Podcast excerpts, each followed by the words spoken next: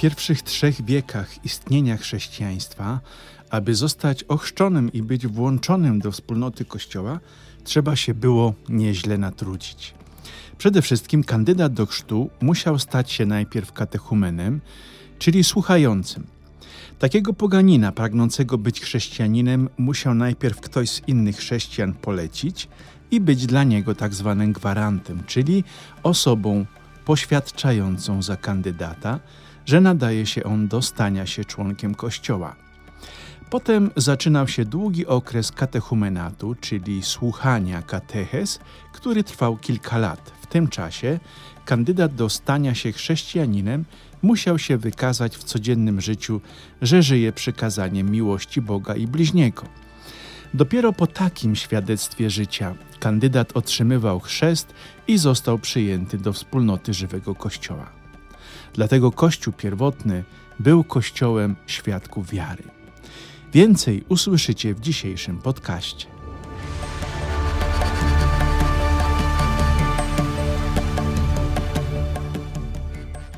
Ja jestem brat Krzysztof, jestem franciszkaninem kapucynem i mieszkam w Innsbrucku.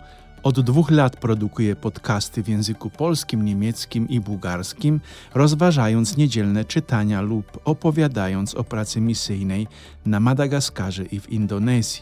Moje podcasty pod nazwą Ja Mhm znajdziecie na serwerze podbin.com albo wpisując w wyszukiwarce nazwę podcastu Ja Mhm. W każdą sobotę od godziny 12 nowy podcast. Serdecznie Was zapraszam.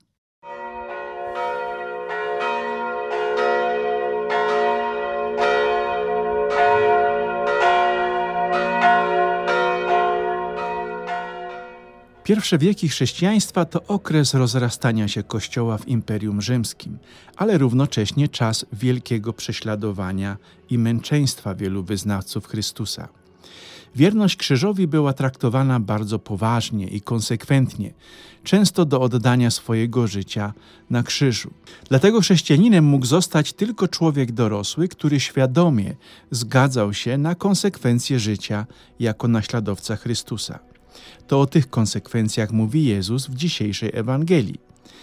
Widząc kryzys dzisiejszego Kościoła w Europie, powie ktoś, że Kościół upada, bo chrzcimy już małe dzieci zamiast dorosłych. A dzieci nie mają jeszcze świadomości o darze wiary, jaki otrzymały. Zdecydowanie o wierze dzieci zależy od rodziny, w której dziecko się urodziło, a nie samo dziecko. W imieniu dzieci wiarę wyznają rodzice, a rodzice chrzestni pełnią rolę gwarantów, o których mówiłem na wstępie.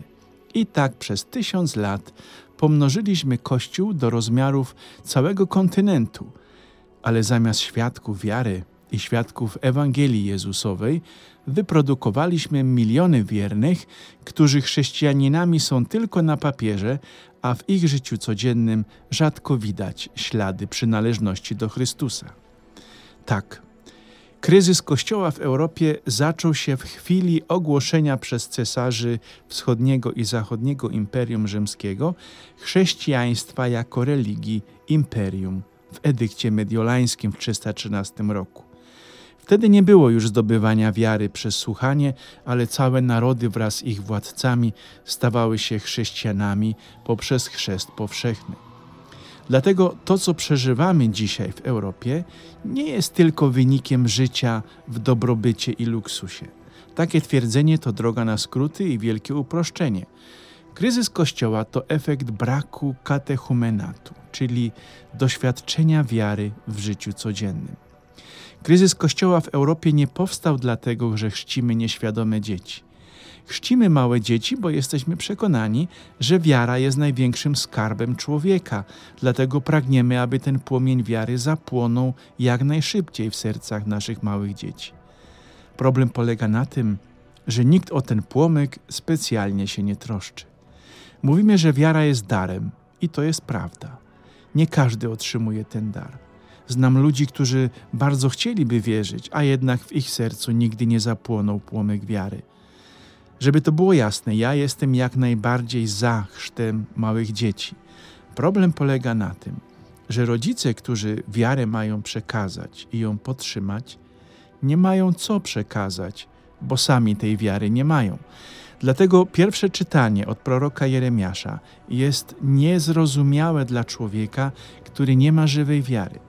Jeremiasz mówi o totalnym zakochaniu się w Bogu i o tym, że ze względu na tę miłość znosi wszystkie prześladowania i prześmiewania się z Niego przez ludzi niewierzących. Jako że Jeremiasz wypełnia w życiu wolę Boga, to zamiast opowiadać o radości, jaką przeżywa z powodu miłości Boga, on musi nieustannie ten naród wybrany krytykować za jego niewierność. Z tego powodu doznaje zniewag. W czasach Kościoła pierwotnego, jak już wspomniałem, wiarę mógł otrzymać tylko człowiek dorosły. Więc jak w dziejach apostolskich czytamy, że cały dom jakiegoś dostojnika przyjął chrzest od apostołów, to były to zawsze osoby dorosłe. Dzieci musiały najpierw dorosnąć do wieku dojrzałego, aby móc, jak ich rodzice, stać się chrześcijanami. Zanim jednak te dzieci dorosły, to te lata ich dorastania w rodzinie były przesycone duchem Ewangelii. Te dzieci widziały, jak ich rodzice i cały dom żyje dziełami miłosierdzia. Dlatego te dzieci z wielkim pragnieniem czekały dnia, kiedy i one będą mogły zejść do basenu chrzcielnego i jak ich rodzice i inni dorośli móc dostąpić komunii eucharystycznej. Dom chrześcijanina od niewolnika do Pana żył duchem Ewangelii. Jak będziecie mieli okazję wejść do klasztoru, gdzie żyją jeszcze i modlą się mnisi czy zakonnicy, to doznacie uczucia, jakby wieki nieustannej modlitwy zatrzymały się w murach klasztoru.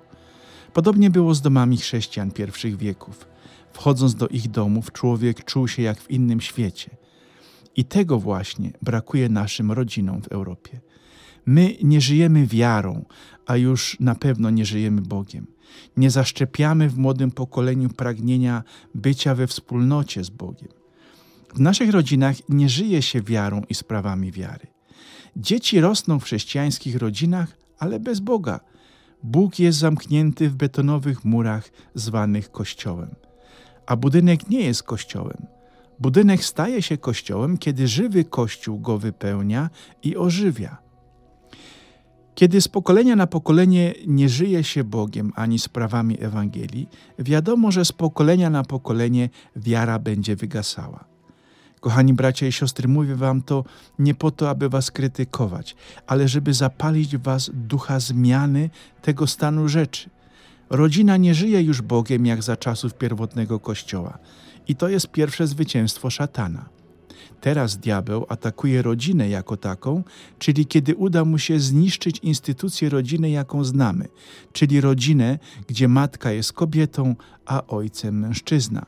Stracimy niestety kolejne pokolenia. Nie chodzi o liczbę w kościele, lecz o jakość i świadomość wiary. Kiedy w Indonezji wchodzicie do domu katolików, pierwsze obrazy, jakie wam rzucają się w oczy, to krzyż, obraz miłosierdzia Bożego siostry Faustyny. W każdym pomieszczeniu jakiś obrazek świętych, pamiątkowe zdjęcia rodzinne, ale pamiątkowe zdjęcia rodzinne to fotografie przedstawiające domowników na jakimś wydarzeniu z ich parafii lub innym miejscu pielgrzymkowym. W Indonezji w chrześcijańskich rodzinach obecność Boga w ich życiu przebija na każdym miejscu. W tym kraju tysiąca wysp, gdzie żyje najwięcej muzułmanów na świecie, w każdej restauracji, której właścicielem jest chrześcijanin, wisi krzyż i nikt z muzułmanów się tym nie gorszy. Dlatego w Indonezji, na Filipinach, w Wietnamie, w Korei Południowej nie ma kryzysu kościoła, bo tam, jak ktoś mówi, że w coś wierzy, że coś się wydarzy z Bożą pomocą, to on jest o tym głęboko przekonany. Europa sama dobrowolnie wyrzekła się Boga, wyrzekając się inspiracji chrześcijańskich w swojej historii i kulturze. Dlatego w takiej Europie Kościół będzie chorował i umierał, bo bez Boga nie ma przyszłości, mówił papież Benedykt XVI w Bundestagu. Kto z Europejczyków chce słuchać dziś o Zbawicielu, który mówi o wyrzeczeniu się samego siebie i że trzeba nosić krzyż? Kto nie ma wiary, żywej wiary, dla niego taka droga życia jest nie do zaakceptowania. Jeśli nie żyjesz wiarą żywą, bracie i siostro, to zatkaj uszy, kiedy będą czytać te Ewangelie, bo te słowa Jezusa będą dla ciebie skandalem. Każdy kolejny dzień życia, drogi bracie i droga siostro, to kolejny dzień zbliżania się do Jezusa i Jego Kościoła, albo kolejny dzień oddalania się od Niego. Zdecyduj i wybierz sam, ale dobrze. Amen.